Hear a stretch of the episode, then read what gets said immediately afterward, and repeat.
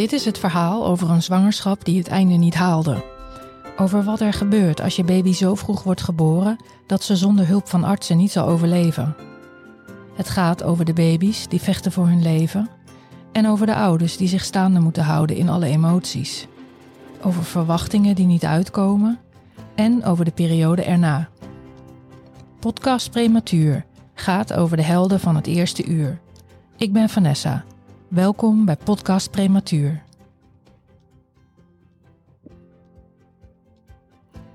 Jeroen, de vader van Liam, vertelde mij vorige week in aflevering 25 over ambulancebroeder, ook Jeroen.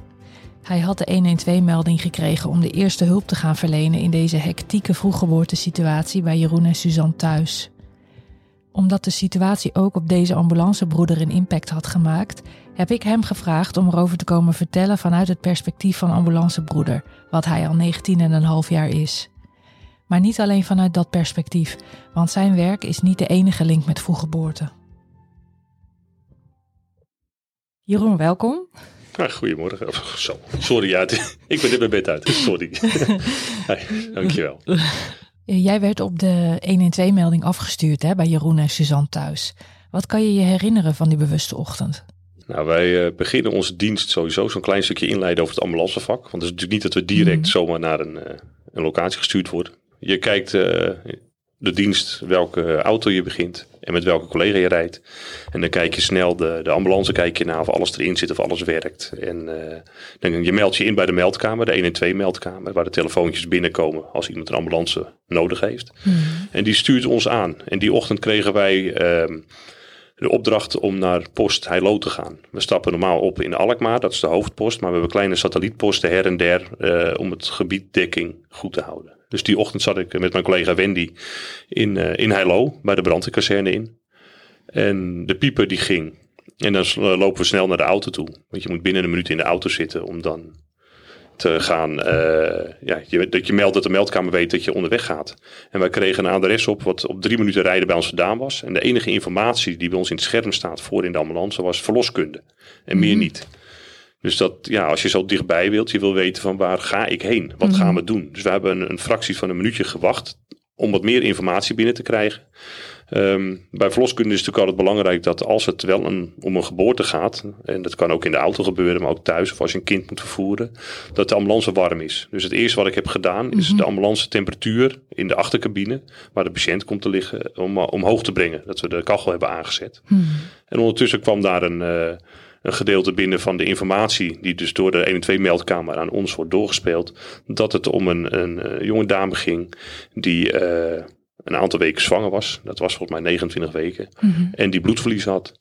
Nou, dat vonden wij op zich niet zo heel erg spannend. En mm -hmm. we moesten wel onder A1 met spoedrijders, en sirenes die kant op. Dus we waren zo te plaatsen, want we stonden nagenoeg om de hoek. En ja. mijn collega en ik bespreken dan onderweg naar de, naar de patiënt toe, naar de situatie toe, wat wij mee gaan nemen. En wat is ja, een zwangere dame, bloedverlies. Nou, zegt mijn collega, ik neem de verlosset mee. Daar zit een, een soort luierbroekje in, dan kunnen we die aantrekken. Ik zeg, nou ja, ik zeg dan. Uh, doen we ook de kinderkoffer meenemen. We hebben verschillende materialen natuurlijk in de auto zitten, zowel op volwassenen als op kinderen uh, geënt.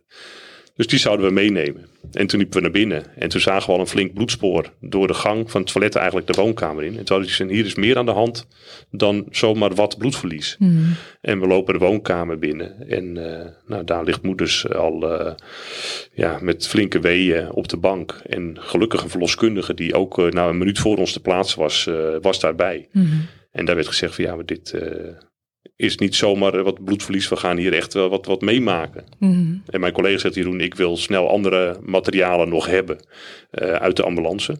En uh, we willen een tweede ambulance hebben. Dus we nemen contact met de meldkamer. En ja, dan gaat het, het, in één keer, gaat het allemaal heel snel. Om je eventjes een kleine um, intentie te geven hoe snel dit is gegaan. Mm -hmm. um, vanaf het moment van het 1 en 2 bellen tot aan de geboorte van Liam... heeft 13 minuten tussen gezeten. Dus wij hadden drie minuten aanrijdtijd. Dus je hebt nog tien minuten te daar zijn. En dan moet je heel snel moeten gaan kijken. Oké, okay, we gaan nu... Welke stappen gaan we doen? Wat hebben we nodig? Dus mm -hmm. ik heb snel de zuurstoftas gehaald, de monitor nog. En de kinderkoffer hadden we al staan. Mm -hmm. uh, tweede auto laten komen. Want ja, dat, uh, dit is voor ons ook bijzonder. Wij maken natuurlijk niet heel vaak uh, dat we met kinderen bezig zijn, gelukkig. Mm -hmm.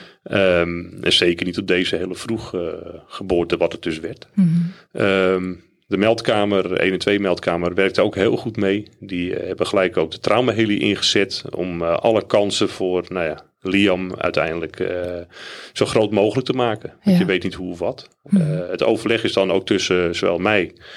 Ik ben als chauffeur dan aan het werk. Die doet communicatie. Dus ik heb communicatie met de meldkamer. Maar op een gegeven moment ook gekoppeld met de tweede auto die aanrijdend is.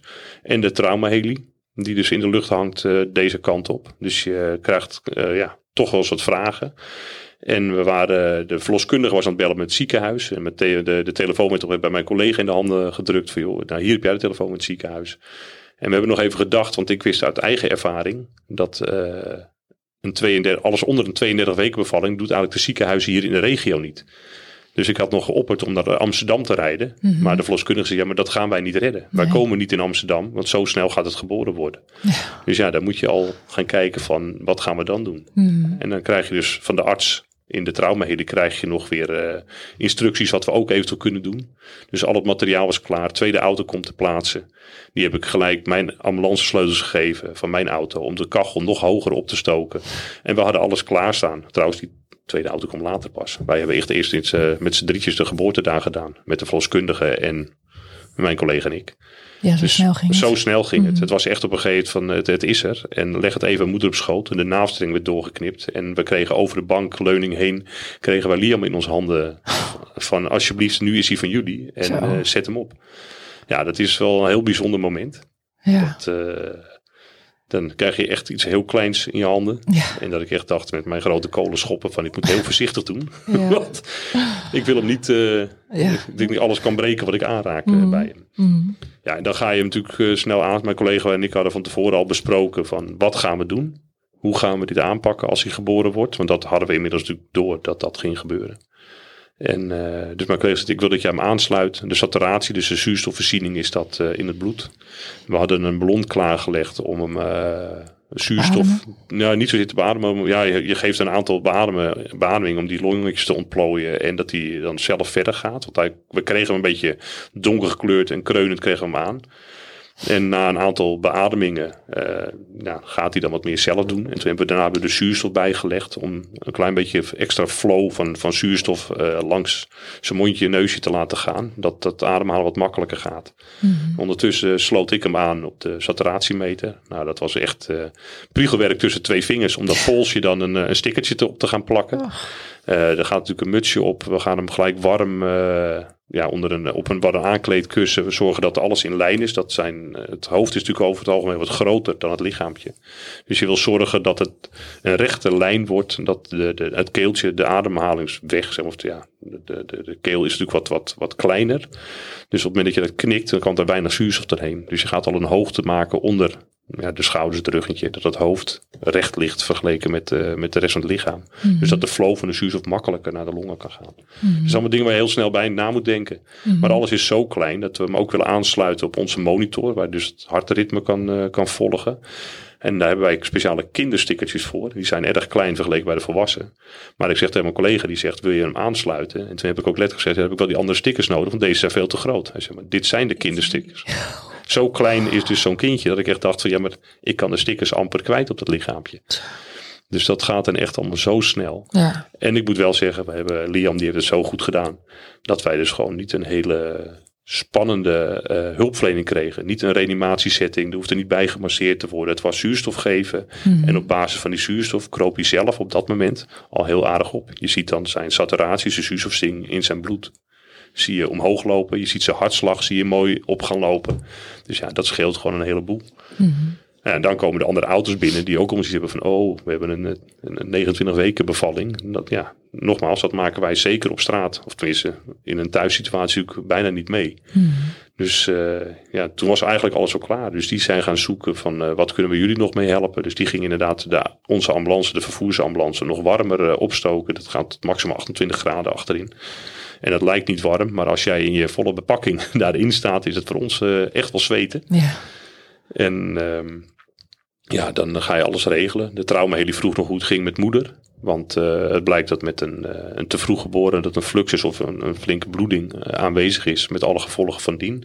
Dus of er heeft er nog een tweede traumahelikopter nodig was voor de moeder. Het risico. En voor het risico uh, voor moeder dat daar wat mee zou gaan. Nou, dat, uh, de verloskundige die bleef bij moeder gebleven. En uh, die zei van dat is niet nodig. We hebben wel een derde ambulance willen laten komen om moeder ook te vervoeren naar het ziekenhuis. Want we kunnen niet moeder en kind in één auto. Nee. En we hadden natuurlijk al een tweede ambulance. Maar daar was... Ehm, daar gaat het verpleegkundig personeel met de eerste ambulance mee. Omdat je dan extra handjes hebt achter in de auto. Dus dan heb je ook weer niet iemand die zegt ook die tweede ambulance leggen moeder in de rij. Want dan is er niemand meer die naast moeder zit om te kijken om daarin te grijpen. Dus de geboorte van Liam trok drie ambulances, politieauto's en een traumahelikopter. Mm Wat voor hem dus uh, nodig was en de hele familie om hulp te bieden. Mm -hmm. Dus dat, ja, dat, uh, ja schitterend. nou, dus, ik vind het gewoon zelf heel mooi om daarbij te zijn. Ja. Het, is, uh, het is altijd weer een wonder. Ik vind het echt een wonder als er een geboorte is. Ik uh, stond met tranen in mijn ogen. Dat is dan wel lastig, want ik moet nog zien wat ik doe. Dus die moest ik even snel wegslikken. ja. Dus dat... Uh, ja. en, en is het zo dat jij, dat jij als eerste ambulance daar was voor de baby? en is het dan zo ook eentje die voor de ouders of is, is dat een bepaalde rolverdeling? Nou, wij kwamen natuurlijk als eerste. Er was nog niet sprake van een, van een geboorte op het moment dat wij de melding kregen. Dus we hadden een moeder die zwanger is. Ja. Uh, met 29 weken. En waar, uh, waar bloedverlies is. Dus dat is één auto is daar nodig. Er was wel gezegd, heb je meer hulp nodig? Dan wel. kunnen wij natuurlijk altijd gelijk uh, de meldkamer vertellen van wat, ja, wat hebben wij nog nodig? Mm -hmm. En in dit geval was dat in eerste instantie qua melding. En dan praat ik over de telefonische melding naar de meldkamer toe vanuit vanuit de ouders van, van Liam, is dat, uh, ja, is daar niet een, een, tweede auto opgestuurd. Dat wij binnenkwamen en in de gaten kregen wat er aan de hand was. Ja. En we zeker wisten dat we niet wegkwamen. Dus iets, ja, je weet niet hoe, de, hoe het gaat, gaat lopen. Mm -hmm. Ik bedoel, wat, uh, in welke situatie komt Liam ter wereld? Mm -hmm. En nogmaals, nu deed hij het heel goed. Maar als het een reanimatiesetting is, dan vinden wij een tweede auto toch wel erg prettig. Ja. Dus we hebben op voorhand toen gelijk een tweede auto laten komen. Ja. En later dus nog een derde auto om voor moeder. Ja. Dus dat, maar dat gaan we dan ter plekke gaan we dat doen. Of de melding vanuit uh, de thuissituatie naar de meldkamer moet al zijn dat het zegt van joh, dit is wel zo heftig. Dan besluit de meldkamer om al meer in te zetten. Mm -hmm. Maar toen wij hebben aangegeven dat, uh, dat we niet gingen vervoeren en dat we de bevalling ja, thuis gingen doen, heeft de meldkamer ook ingezet, zowel met onze vraag als uit zichzelf, dat er dus meerdere auto's ja. kwamen en de traumahelie. Ja. En wat zou je zeggen over wat je herinnert over de sfeer? In de, want het gebeurde allemaal op de bank, hè, in de woonkamer. Hoe waren de ouders eraan toe? Hoe was de verloskundige eraan toe? Ik bedoel... Ja, de verloskundige, dat is natuurlijk. Uh, die zit daar zonder enige hulpmiddelen. Die zit ja. daar alleen met zichzelf en uit de telefoon. En je krijgt dus, ja, die ziet een bevalling. Die dan uh, zomaar kan gebeuren met zo vroeg. En die heeft dan geen hulpmiddelen. Dus dat is natuurlijk best, ik wil niet zeggen dat ze in paniek is, maar het is best wel even een stressmoment. Mm -hmm. En wij komen aan en wij hebben natuurlijk, voor ons is die stress net zo, want je hebt, ja, wat gaat er gebeuren? En wij kunnen natuurlijk allerlei materiaal pakken, wat we kunnen, waar we bij, uh, bij kunnen helpen met de hulpverlening, wat is nodig. Dus je kan heel hoog inzetten. Nogmaals, we zetten in op eventueel een reanimatie, of dat die gereanimeerd moet worden of bijgemasseerd moet worden. Maar wij kunnen dat allemaal meten met onze apparatuur en de hulp daarop. Dat zijn niet. Nee. nee, zij heeft uh, de mm. telefoon bij zich en misschien wat, wat, wat, wat spulletjes voor een bevalling, maar niet de medische apparatuur die wij in de ambulance hebben zitten. Mm. Dus dat is natuurlijk vrij, uh, dat is wel even hectisch op dat moment. Mm. Nou ja, wat we weten van vader Jeroen, is dat uh, hij op een gegeven moment iets eerder door had dan Suzanne zelf. Hè? Dat, uh, dat het echt wel wat ernstiger was, de situatie. Dus zou je ook zeggen dat had ze, was ze er bewust bij wat er gebeurde? Want het moet zo'n shock zijn voor haar. Ja, het is, uh, het, je, je, je weet natuurlijk niet wat je overkomt. Je weet dat je zwanger bent, het, eerste kindje. En, uh, je is, uh, en, en dan in één keer ben je nog helemaal niet toe aan een bevalling. En krijg je dus wel de, de weeën en de krampen en alles op die bank. En je hebt bloedverlies. Dus eigenlijk is je bevalling gewoon begonnen op een moment dat je hem helemaal niet wil hebben. Nee. Dus dat is natuurlijk een hele hoop emoties ook die je hebt. Want ja, hoe gaat dat met je kindje? Ik vond Jeroen daarentegen vrij kalm. Die echt ja. rustig. En die hebben we ook gewoon aan het werk gezet. Dus dat was wel mooi. We hebben gezegd wat we nodig hadden. Maak de tafel maar vrij. We willen natuurlijk een werkhoogte. We kunnen op onze knietjes bij de bank zitten met zo'n kleintje. Maar dat werkt niet prettig. Dus je, je, je, je scant snel zo'n huiskamer. Er staat een grote eettafel. Joh. Maak die eettafel vrij. Zorg voor dus zo'n aankleedkussen. We hebben schone handdoeken nodig. Nou, volgens mij is die bij de buren gaan halen. Ja. Dat vond ik op zich wel slim. Want die, uh, niet je eigen, niet je eigen handdoeken. nee, dus... Uh, en er komt natuurlijk, als er een ambulance in de straat staat, komt er allemaal volk komt eraan. Ja. Ja, hoe ga je daarmee om? Nou ja, er was iemand die, ik ging wat pakken uit de ambulance stelde extra spullen. En dan wil iemand naar binnen lopen. Ja, ik denk, natuurlijk is dat interessant. Ik weet niet wie wie is. Maar je ligt niet in je meest comfortabele houding op de bank met je bevalling. En zeker niet in deze situatie. Dus ik heb Mhm. iemand tegengehouden. Ik zeg, nee, ik zeg, wie bent u? Wat ga je doen? Ja, ik ben ook een verloskundige van dezelfde praktijk. En ik ben Oh. opgeroepen. Ik zou, in dat geval loop snel door. Ja. Maar ik denk, ja, de hele buurt staat buiten. En iedereen die wil natuurlijk het liefst naar binnen lopen. Dus ja, dan eh, stuur je ze weg. En eh, aan de Mhm. kant, wij gaan hier ons ding doen. En jullie gaan niet allemaal naar binnen. Dus eh, ik zeg, en Jeroen die, eh, ja, die kon natuurlijk alle kanten oplopen. Dus die kon hem mooi in het werk zetten. Dus dat, eh, dat ging hartstikke goed. En hebben op z'n zevende eh, is er gevraagd eh, vanuit de traumahelikopter de arts om, om Liam na de geboorte eh, in, een, in een plastic zak te stoppen. Het hoofdje eruit natuurlijk, voor alle duidelijkheid. Mhm. Maar om die transitiefase nog wat meer ja, zeg maar, na te bootsen. Dus ik zei tegen Jeroen, ik zeg, kan jij een, een plastic zak zitten? Nou, hij zei, ja, ik heb alleen een, een Albert Heijn tasje. Ik zei, dat geeft niet. Ik zeg, Dat ook dat redden we. Dus we hebben Liam echt in dat tasje geschoven. Ik zeg, het ziet er heel oneerbiedig uit, maar alles voor Liam op dat moment. Wat is de beste situatie? De meningen zijn er nog steeds iets over verdeeld of dat wel of niet werkt. Maar in dit geval gaf de arts ons deze opdracht dat hij dat graag wilde. Nou, dan doen wij dat. Dan gaan we dat doen. En eh, dus Liam lag in een Albert Heijn tasje op de tafel. eh, met zuurstof bij zich, met handdoeken op hem en een mutsje op zijn hoofd om die afkoeling zo snel tegen te gaan. Ja. Dus ja, dat, eh, het is gewoon druk. Er gebeurt zoveel tegelijkertijd waar je mee bezig moet zijn. En op zo'n klein mensje, ja. dat is, eh, dat is heel bijzonder. En die arts, eh, want je vertelt het zo, ik zie het voor me dat die arts in die heli zit, Ja. aanwijzingen te geven op afstand. Ehm, waarom bleef hij in de heli? Nou, die was nog aanvliegend. Oh, die- die vloog die, die nog? vloog nog onderweg Och. naar... eh, we hebben dus ook daarvoor politie laten komen. Want ik wist ongeveer in de omgeving dat hij niet echt in de straat zijn, zijn, Kon zijn helico- helikopter kon neerzetten. dus dan ga je daar ook... Maar dus, ook daarin ben ik al mee bezig. Van oké, ik, heb, ik heb die arts die komt deze kant op. Er zit op de traumaheli een piloot, een verpleegkundige en dan een arts. En die moeten dus ook naar het adres toe waar eh, op dat moment de hulpverlening plaatsvindt. Dus dan heb ik weer politie nodig. Want ik, nou ja, die gaan dan vaak, zeggen ze van joh, de, de, de heli wordt dan, gaat dan daar ongeveer landen. En waar dat precies is geweest, dat weet ik niet. Maar die, en ik zeg wel dan, ik heb politie nodig. Want die arts moet zo snel mogelijk hier bij ons zijn met de verpleegkundige. Met hun materiaal, wat ze eventueel nog kunnen. Mhm. Dus, eh, en wij zijn zelfs op een gegeven moment eh, al vervoers klaar gaan maken. Dus we hadden Liam al in de auto liggen. Helemaal eh, kant en klaar in de ambulance. En toen is de arts er pas bijgestapt, dat hij toen pas aankwam. Zo snel ging alles. Dus dat, ik had een ambulance vol met mensen achterin. Dat was echt wel. ik had er nog nooit zoveel in één keer in mijn auto gehad met een hulpverlening. Dat was wel heel bijzonder. Ja. Ik had mijn verpleegkundige achterin. de am- Als Liam lag op de brancard. Ik had mijn verpleegkundige in de ambulance. Ik had de verpleegkundige van de tweede ambulance ook achter in mijn ambulance. Met een stagiair die in opleiding is tot verpleegkundige. En daarbij kwam de traumaarts en de verpleegkundige van de traumaheli. Die kwamen er nog in. Nou, uiteindelijk hebben we wel even een beetje gekeken wie kunnen er wel en niet mee. Ja, en eh, ja, want je hebt ook maar beperkt ruimte. Het moet ook veilig allemaal. Mhm. Dus het is echt, ja, er gebeurt zoveel in een hele korte tijd. Wat je moet organiseren, wat je doet. Zowel met Liam, met zijn geboorte. En daar waren we ook erg blij dat er een verloskundige en later twee verloskundigen waren. Om bij moeder te blijven. Dat die dat in de gaten konden houden. Mhm. En wij ons met z'n tweetjes en later met z'n vieren volledig konden storten op, eh, op Liam. Mhm. Ik denk wat, wat we als, ons als leken wel eens afvragen is waarom je op zo'n moment, waarom je niet altijd kiest voor het vervoer per heli. Omdat we denken dat het door de lucht het snelste gaat. Ja, nou, dat is, de, de, de helikopter is niet helemaal mijn vakgebied natuurlijk. Wat ik wel begrijp is sowieso eh, de ruimte in de traumaheli is vrij beperkt. Nou is Liam natuurlijk wel heel erg klein. Ehm, buiten dat koelt het ook vrij hard af in de helikopter. Je gaat natuurlijk best wel een ente lucht in. En je moet best wel een stuk vliegen. Dan zou hij dus vliegen in dit geval naar een ziekenhuis waar je hem eh, dichtbij of in ieder geval op het ziekenhuis kan landen. Dat is hier in de regio op het VU. Daar vertrekt de helikopter ook van. Ehm, het wordt gewoon koud in die, eh, in die helikopter. En Liam die ja, kan die kou niet zo heel goed gebruiken. Nee. Die, eh, dus dan is het, het is, dat zijn afwegingen. En ja, het ziekenhuis was vanaf waar wij waren, was vijf minuten rijden. Dat waren wel vijf hele lange minuten, vond ik. Want je ligt wel met een heel klein hummeltje achter in de eh, ambulance.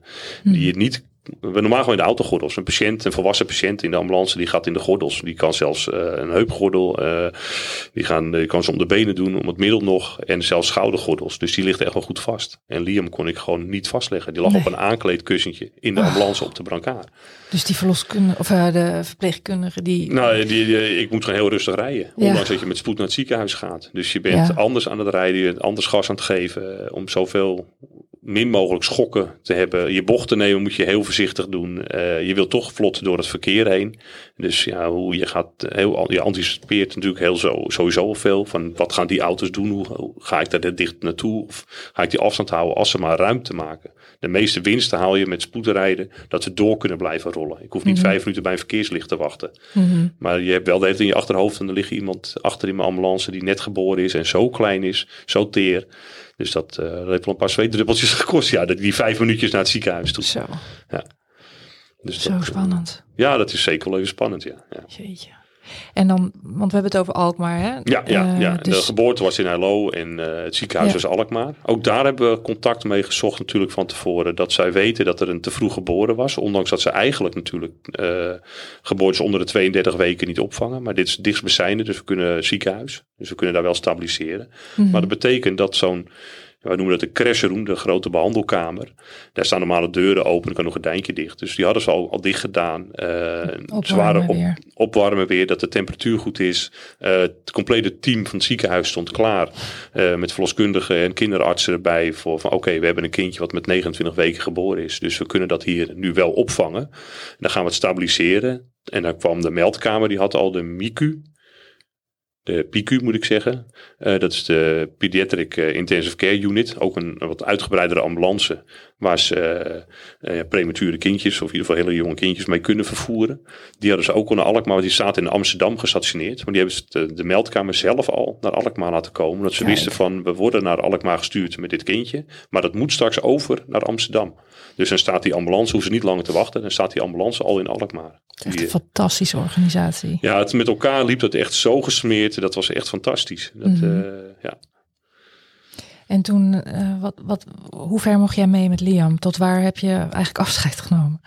Ja, dit is uh, nogmaals wat ik al net al zei. Ik vind het heel bijzonder omdat je bij zo'n, ook al is mijn werk, maar dat je bij een geboorte mag zijn. Ik vind het nog steeds een wonder. En uh, wij brengen elke patiënt, en Liam dus ook, uh, tot en met nou, in dit geval de spoedtijdse hulpafdeling. daar doen wij onze overdracht. Mijn verpleegkundige doet dan de overdracht aan, aan de artsen en verpleegkundigen in het ziekenhuis. Ja, daar hebben we nog natuurlijk even gestaan, maar dan doen wij op dat moment een stap terug. We hebben de patiënt overgeleverd aan het ziekenhuis en dan zit het er voor ons op. Ja, dan praten we nog even met elkaar. We hebben zeker even buiten gestaan met uh, zowel de traumaartsen en verpleegkundigen, de, uh, de, het team van de tweede ambulance en wij. Je spreekt nog collega's in de spoedeisende hulp eventjes. Die hadden toevallig s ochtends gezegd van nou jullie zijn aan het werk, uh, we willen even een mooie rit. Dus heb ik daarna gevraagd en ja dit was toch niet waar ze oprecht hadden om zitten wachten, want dit is wel heel spannend. Ja. Dit zijn, ja, het komt gelukkig niet al te vaak voor. Voor mm -hmm. ons. Je, je intro had je natuurlijk wat uh, met, met je podcast hoeveel kinderen er te vroeg geboren worden. Mm -hmm. Maar goed, gelukkig zien we dat niet, uh, dat we er dagelijks als ambulance bij zijn. Dat is natuurlijk ook een nadeel. Want het zit, uh, je weet het wel, maar je moet er wel even graven. Van hoe zit het ook weer allemaal? Waar mm -hmm. ga je doen? Wat ga je doen? Dus wij ja, we leveren een patiënt over aan het ziekenhuis. Geven het daar af en dan stappen wij terug. En dan hebben we wel zijn wachten tot ze op een gegeven moment... Uh, de meldkamer vond het ook zo'n bijzondere rit. We hebben telefonisch contact gezocht met de meldkamer... om even ook met elkaar te praten hoe het allemaal gegaan is. Mm. Om het plaatje voor ons ook compleet te krijgen van wat hebben jullie nou binnengekregen als meldingen. Nou, dat wat ik net al vertelde, hoe snel dus na het telefoontje en de geboorte van Liam, hoeveel, hoe weinig tijd daartussen zat. Dus het gaat zo snel. Dus ja, daarna zei je met elkaar te praten en ook hoe goed de samenwerking ging van alles wat er opgeroepen was. Uh, de traumaheden die zegt van joh, wie deed de, uh, het, het, de communicatie? Nou, dat is dan als chauffeur is dat mijn, uh, mijn stukje. Hij zegt, nou, dat, ik denk, nou, dan gaan we het krijgen. Hij zei, was zo kort en bondig, ik stel een vraag en jij geeft antwoord met ja of nee. Het meer hoef ik niet te weten. Ik hoef op dat moment niet een heel verhaal. Gaat het goed met moeder? Ja. Is daar een, tweede, is daar een helikopter voor nodig? Nee. Oké, okay, nou dan is dat duidelijk. Mm -hmm. Dus zo op dat moment, ja, dat spreek je dan even na. En toen hebben we ook even gewacht tot de ouders uh, weer naar buiten kwamen. Dat we even ja. konden kijken. En Liam trouwens ook. Dat die, uh, toen mochten we even spieken in de couveuse. Het was toch een beetje ons kindje. Ook. ja, het klinkt heel stom. Maar zo, zo maken wij nog steeds, mijn collega Wendy en ik, het grapje van wij hebben samen een kindje. Liam. Dus uh, dat is Liam. en Ja, dat, eh, dan is het wel even mooi om daar even naar te kijken. En we hebben later ook, een paar dagen later, het ziekenhuis gebeld. Ja, en met alle regelgeving omtrent privacy is het natuurlijk eens lastig. Dus we hebben het ziekenhuis in Amsterdam gebeld. Van, joh, wij zijn bij de geboorte geweest. Nou goed, dat kregen de ouders ook te horen. Dus die hebben toen contact met ons uh, via het werk opgezocht van uh, hoe het met Liam gaat. Ja, dat is wel mhm. heel fijn om te horen dat je daar toch wel. Uh, mm. Dit is dus zo'n bijzondere hulpverlening dat je dan toch een beetje te verlopen hoort hoe het dan gaat. Mm -hmm. Dus ja, dat is wel heel erg mooi. Ja. Maar Liams geboorte en jouw hulpverlening daarin is niet de enige link met vroeggeboorte, hè? Nee, dat klopt. Want vertel eens. Ja, ik ben 16 jaar vader. En uh, mijn dochter kwam met 32 weken. Mm. En dat ging eigenlijk hartstikke goed. Dat was een uh, makkelijkere hulpverlening, of het is hulpverlening, een makkelijkere geboorte. En natuurlijk minder dan uh, minder vroeg dan bij Liam. Mijn vriendin, die, ik had nachtdienst gehad en ik was mijn eerste nacht weer thuis, slapend. en ik werd s'nachts wakker gemaakt op mijn vriendin en die zegt van, ja, ik heb wat bloedverlies. Ja, en ik had zoiets van eigenlijk laat me slapen. Ik ben blij dat ik eventjes een nachtje mijn ogen dicht kan doen. Als je een paar nachten hebt gewerkt, is je eigen bed al erg prettig eh, om dan s'nachts uh, vannacht door te halen. Dus ik zeg, als je het niet vertrouwt, uh, dan neem je uh, contact op met de verloskundige. Nou goed, eigenlijk zijn we weer gaan slapen. En uh, s ochtends word ik wakker. We zouden op kraamvisite gaan bij een goede vriend van me. En ik word wakker en ik moest echt even wakker worden s ochtends nog van de wekker. Het was nog vroeg. En ik zit te kijken en ik denk, er ligt niemand naast me. Dus ik kom in de badkamer en mijn vriendin zit op het toilet uh, huilend. Maar ik heb allemaal bloedverlies. En uh, ik denk, nou, dat zal me wel meevallen. Weet je, we zijn 32 weken onderweg. We moeten nog uh, eventjes. Mm -hmm. Dus ik loop terug naar de slaapkamer en ik sla de dekens van haar kant weg van het bed. En ik zie inderdaad een behoorlijke bloedvlek. Mm. En ik was wel gelijk wakker. dus ik heb gezegd, heb je de verloskundige gebeld? Nee, die hebben we gebeld. En die zeiden van, joh, kom maar direct naar het ziekenhuis toe. Het was een zondagochtend in april. En... Ehm, ik, uh, wij, zijn, we hebben ons netjes aangekleed, want we hadden bedacht dat we even naar het ziekenhuis toe gingen. En daarna door op kraamvisite. dus ook niet de meest makkelijke kleding aan. Een cadeautje van de kraamvisite achterin gelegd. En uh, naar het ziekenhuis in Den Helder moesten wij, we woonden toen de tijd in Schagen, moesten we naar het ziekenhuis in Den Helder. Um, waarop ik uh, op een gegeven moment langs een politiebureau rijd en mijn vriendin zegt, je weet dat je nu veel te hard rijdt. Ik zeg, ja dat klopt. Ik zeg, maar dat is met een reden, want wij gaan snel naar het ziekenhuis. Ik zeg, als we ons staande houden, dan zeg ik wie ik ben, wat voor werk ik doe en wat er aan de hand is. Dus dan krijgen we politiebegeleiding en dan zijn we er nog sneller. Mm We waren voor de verloskundige in het ziekenhuis. En daar bleek dat mijn vriendin uh, al flinke weeën had en een aantal centimeter ontsluiting. Dus uh, ja, dan wordt het hele, staat het hele ziekenhuis in reperoer. En dit was precies op een dag op de grens van de 32 weken bevalling dat ze dat dus uh, hier in de regio, en dan praat ik over Alkmaar en Helder, mm -hmm. konden doen ja, dan, dan gaat in één keer alles gaat, gaat heel snel. Dus uh, er werden natuurlijk in, infusen gegeven of injecties gegeven om te zorgen dat de longetjes ontplooid werden bij de kleine die nog in de buik zat op dat moment. dit was ochtends ook erg op tijd, misschien een uur of half negen, negen uur. Hmm. En ehm, ja, weeënremmers werden mijn vriendin gegeven om toch proberen zo lang mogelijk die kleine op dat moment ja, in de buik te houden. Maar uh, s'avonds uh, nou, liet ze zich niet tegenhouden en uh, kwam ze er toch uit. Werd ze met, met mijn dochter dan ook met 32 weken geboren. Mm. En alles zat eraan en alles deed goed. en ja, het is heel klein. Ik kon haar op, op één hand kon ik te vasthouden. Zo. Ze is geboren met, en dat was dan wel weer een beetje de mazzel, 2100 gram. Dus dat uh, was wel op zich een flinke baby. Dus dat, dat scheelde wel weer. Hmm. Ja, en dan ga je een traject in inderdaad. En heb ik het met, uh, met de ouders van Liam ook over gehad. Ik zeg, uh, ik zeg joh, het komt allemaal goed. Mijn dochter is nu 16. Ik hmm. zeg, en die is ook te vroeg geboren geweest. Ja. Ik zeg, en ja, weet je, je kan natuurlijk alle vervelende verhalen horen. Maar een stukje positief is daarin natuurlijk ook wel heel erg mooi. Dus uh, Anouk die doet het goed. Ze heeft uh, een dag of vier uh, toen de tijd na de geboorte onder, ik noem het dat zijn hoogtezon gelegen. en daarna... Billy Rubine. Ja, ja. mooi woord, leuk beschribbel. Ja. Um, ze heeft, uh, daarna ging ze nog een paar dagen in de couveuse. En na een week was ze daar eigenlijk uit. Oh, en uh, heeft ze nog drieënhalve week in het ziekenhuis gelegen. Dat is dan als hulpverlener wel weer lastig. Want ik kreeg op een gegeven moment op mijn kop van het ziekenhuispersoneel dat ik naar mijn dochter moest kijken. En niet de hele tijd naar de monitor, naar alle getalletjes. Want ik was alleen maar met de getalletjes bezig. Van hoe, mm. wat. Maar volgens mij hebben niet alleen maar hulpverleners daar last van. Nou ja, Maar ik begrijp het wel. Ja. Maar je wist ook precies wat alles betekent. ja, en ja, gelijk. ja, je dus- weet alles. Dus als ik dan eerst een dipje in een getalletje zat, dan zat ik al van, oké, gaat het goed? Wat is er aan de hand? Mhm. Waarom? En eh, dus daar hebben ze me echt op geattendeerd. En eh, ja, het Ja. is gewoon vermoeiend. De eerste week, eh, mijn vriendin moest in, het- die bleef ook in het ziekenhuis. En eh Anouk was in het ziekenhuis. En ik, ja, ik kwam na de geboorte uiteindelijk s'avonds laat thuis. En dan, dat is wel raar. Dat heb ik wel heel raar ervaren. Ik stond in mijn eentje thuis. En ja, dan ben je papa. Oh. Ja, het was twaalf uur s'nachts geloof ik. Iedereen die ligt te slapen. Ik ben nog even langs familie geweest om te zeggen van nou joh, we hebben een kleine gekregen. En eh, ja, dan ben je eentje thuis als papa zijnde. En, Ja. en, eh, dat was wel een, dat vond ik wel een hele rare gewaarwording. Mhm. Van ja, en nu? Eh, ja, sta Ja. je dan? Helemaal alleen. Ja, ben je helemaal alleen terwijl je net, net ja, een dochter hebt gekregen. Je vriendin die wil je bij hebben, je dochter wil je bij hebben. Maar die bleef in het ziekenhuis. En na een week is mijn vriendin thuisgekomen. Nou goed, het afkolven. Hm. Je- die, dat, eh, werd ook dat, dat ging op zich goed. Alleen ze kreeg een flinke borstontsteking. Dus dat was echt niet lekker. En eh, ik voelde mezelf de melkman. Ik liep elke keer naar het ziekenhuis met een koelbox met flesjes moedermelk. Om dan weer eh, voor Anouk daar in de koelkast te zetten in het ziekenhuis.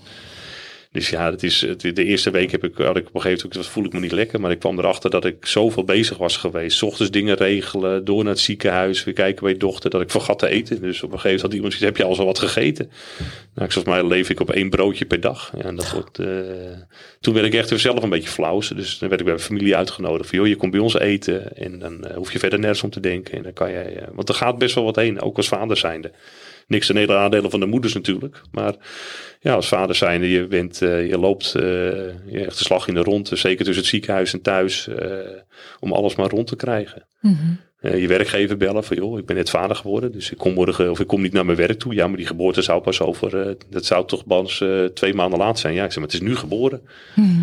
Eh, de geboortekaartjes. Ik kwam bij de drukker voor de geboortekaartjes. Ja, ze ik heb nog geen test klaar. Ik zei, nee, dat kan. Ik zeg, maar het is er al wel. Weet je, dus je bent zoveel dingen aan het regelen. Dat je denkt, oh, dat moet gedaan, dat moet gedaan. Dat je Mhm. eigenlijk jezelf een beetje voorbij loopt. Dat is Mhm. wel iets wat eh, wat erbij is. Ik zeg, met Anouk ging het goed. Die lag daar, die moest leren eten. En, eh, en, en de combinatie van het eten en het ademhalen, zeg maar. En daarvoor moest ze eigenlijk blijven liggen. Dat was het grootste leerproces Mhm. wat zij moest doen voordat ze naar huis mocht. Ja. Dus dat, eh, ja, ik zeg, nu heb ik een dochter van 16, die net eh, klaar is met de middelbare school en inmiddels de MBOV eh verpleegkundeopleiding is gestart. Mhm. Dus ja, het is alleen maar om trots te zijn. Ik zeg, Ja. en, eh, Het gaat goed met haar. het gaat heel goed met de Mhm. lekkere puber. Dus ja. nee hoor, dat is genieten. Dus, maar ja, goed, dat, en het grappige is dat eigenlijk mijn hulpverlening met Liam precies hetzelfde begon als onze hulp, of als de geboorte van mijn dochter. En dat ik daar pas na de hulpverlening met Liam dacht van, maar wacht eens eventjes. De melding van bloedverlies bij een, een, een, zwangere dame ja. te vroeg. Dat zo startte het bij ons ook. En daar heb ik op dat moment helemaal niet nagedacht, Nee. over nagedacht. En we gaan gewoon kijken, ja, weet je, dat eh, was voor mij alweer 16, bijna 16 jaar geleden toen. Ja. En eh, daar ben je niet op die manier mee bezig. Maar Nee. dat ik de hulpverlening klaar was, dacht ik van, maar wacht, dat is echt mijn... Hetzelfde stukje geweest als wij hadden. Ja. Alleen werd dan ook in het ziekenhuis geboren. Daar konden we nog op tijd komen. En die bleef ook wat langer zitten dan Liam. Dus dat was wel bijzonder. Dat je echt denkt van, oh ja, ik, Ja. Had, ik had het kunnen weten. Ja. en dat heb ik mezelf als bedacht van, ja, Maar Misschien ook wel beter, toch? ja, je moet natuurlijk niet overal altijd aan mee. Ik bedoel, het kan op alle manieren eh, kan het gaan. Dus eh, we Mhm. hebben het nu deze manier van Liam gehad. En eh, nogmaals, ik vond het schitterend om daarbij bij te mogen zijn. Ja. hoe vervelend het op dat moment misschien ook is. zeker voor de ouders. Dat je denkt van ja, je Ja. hebt niet een volledige zwangerschap. En alle hectiek die daarna nog komt van ziekenhuisbezoeken en Mhm. noem het maar op. Mhm. Ik plaag mijn dochter altijd dat ik een hele dikke rekening moest betalen. Natuurlijk het, het ziektekosten, maar die kreeg ik eerst thuis opgestuurd. En die was op twee tientjes na 15.000 euro. Ik zeg, die krijg ik ook nog te goed van je. Mhm. Van alle onderzoekjes en doen de, de periode Grappig. dat ze in het ziekenhuis heeft gelegen. Mhm. Dus daar plaag ik er wel eens mee. Mhm. zeg, eh, Het valt op zich nog wel mee vergeleken met onze rekening, denk ik. ja, maar jullie hadden wat langer. Mhm. ja. Dus Anouk, die had, ik zeg Anouk had 4,5 week ziekenhuis. ja. Dus, maar ja, dat, eh, En gaat ze terugbetalen? Nou, ik hoop het wel, maar ik denk het niet. nee, ik ben blij dat het anders gegaan is. Ik heb een gezonde dochter en dat is het Ja. belangrijkste. En daar staat geen geld tegenover. Nee, natuurlijk gekkigheid. Dus eh, nee hoor. Hey, heb je nog eh, meer ervaringen met vroeggeboortes? Meer ervaring met vroeggeboortes. Nou, niet op deze die zo staat, bij zat als met Liam. Nee. Eh, wij komen natuurlijk wel bij geboortes. dat je erbij bent. Soms gaat het ligt de moeder al een hele tijd uh, met weeën en lukt dat niet uh, om, om het kind eruit te krijgen, zeg maar. En dan gaan we naar het ziekenhuis toe. Ja, en soms zijn er dingen dat na een bevalling toch de ambulance uh, nodig is om moeder of kind te vervoeren naar het ziekenhuis. Dus we komen wel mhm. regelmatig bij, bij geboortes. Maar dit was voor mij wel een hele bijzondere in die 19 jaar. Die staat me voorlopig nog wel even bij. Mm. ik heb wel meerdere geboortes gedaan, ook zonder verloskundige erbij. Dat wij daar, daarbij zijn geweest. Maar volgens mij niet te, te vroeg geboren. Niet zo vroeg in ieder geval. Want je bent wel eens bij een heel erg te vroeg geboren kindje geweest, thuis. niet tijdens zijn geboorte. Toen Vince net thuis was, uh, was er ook iets met hem aan de hand en uh, hij stikte bijna. Ja. En uh, nou, ik had al drie reanimaties meegemaakt voor mijn neus met Vince in het ziekenhuis toen de tijd.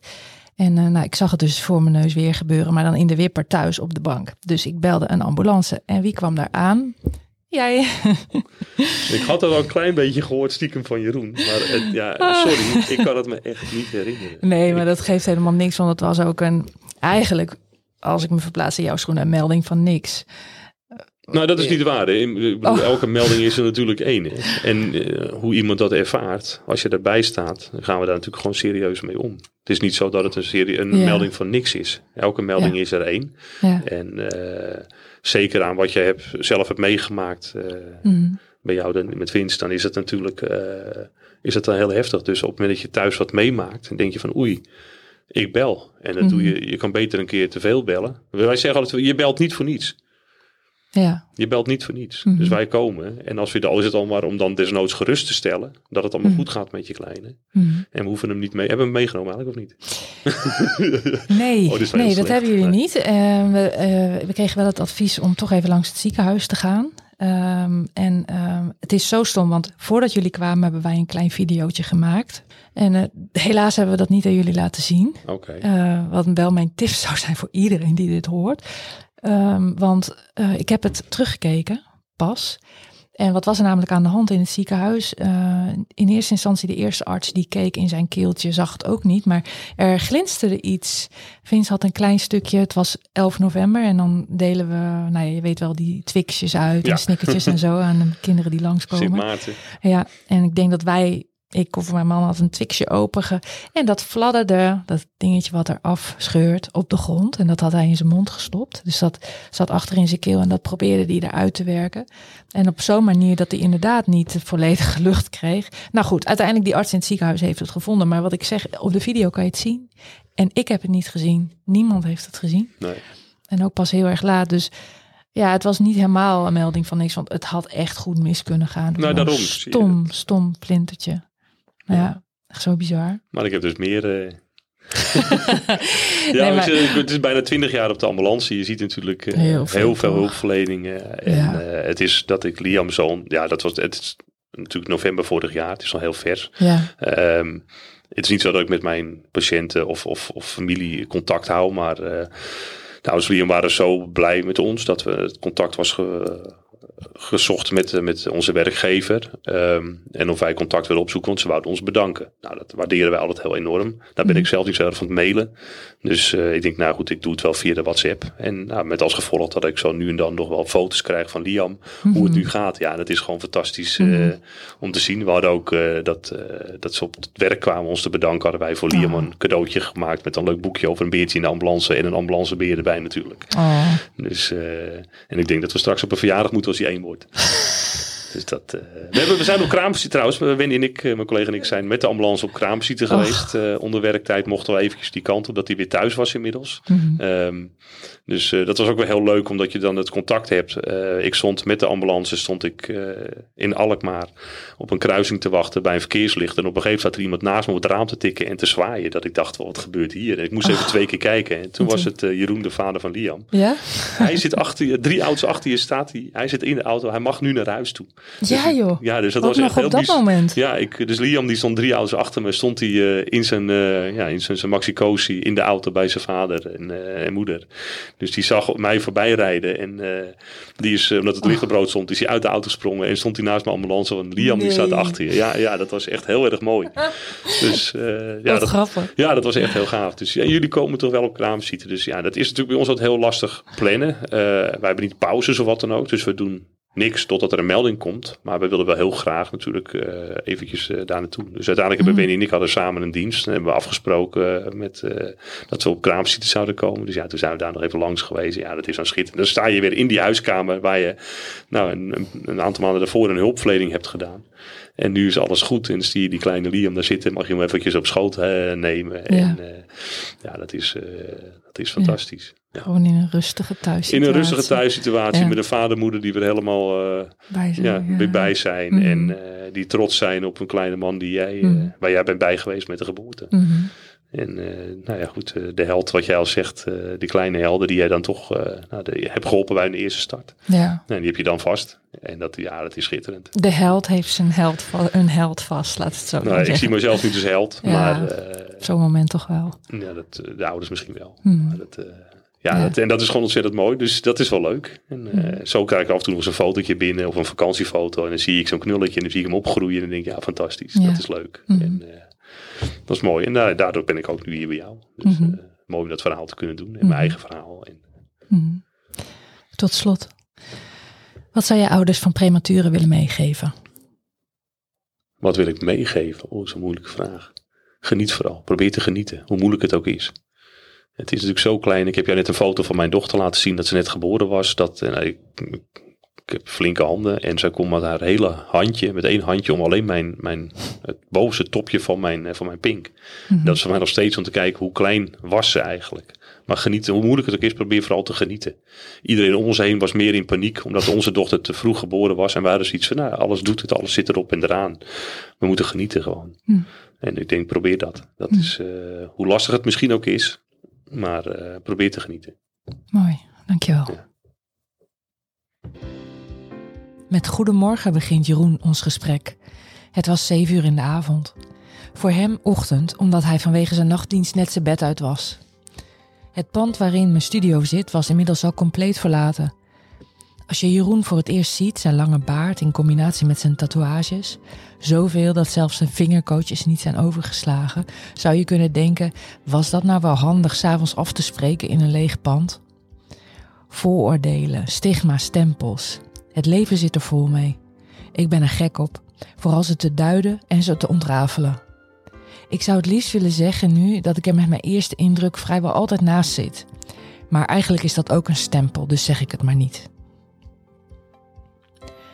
Als ambulancebroeder maakt Jeroen veel mee. Ongevallen, hartaanvallen, zelfmoorden. Veel bloed, leven- en doodsituaties, maar ook emoties.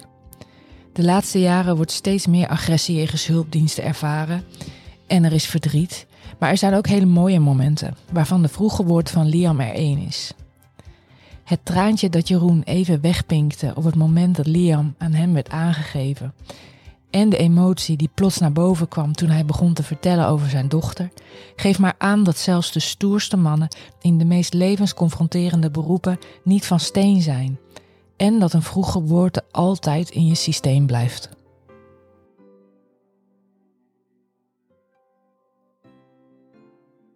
Podcast Prematuur over de helden van het eerste uur. Gemaakt door mijn mama. Leuk dat je hebt geluisterd naar deze podcast. Ik weet niet of je zelf moeder of vader bent van een prematuur of op een andere manier betrokken bent, maar heb je iets aan deze aflevering gehad, iets geleerd, iets herkend en denk je dat anderen het ook waardevol zullen vinden? Laat het hen dan weten. Dat geldt natuurlijk ook voor de prematuurpopjes die we maken. Een belangrijk deel van de popjes doneren we namelijk aan het Ronald McDonald Kinderfonds. Wij wilden al vanaf het moment dat we thuis kwamen met Vince iets terugdoen voor dit geweldige fonds. En nu kan iedereen zich daarbij aansluiten door bij ons een op maat met de hand gehaakt geboortepopje van je eigen kindje te bestellen. Ik denk een heel waardevol cadeau om vooral niet te vergeten hoe klein je kleintje het leven startte. Kijk voor meer info even op de website podcastprematuur.nl. Alvast bedankt en natuurlijk hoop ik dat je volgende week weer luistert naar een nieuwe aflevering van Podcast Prematuur.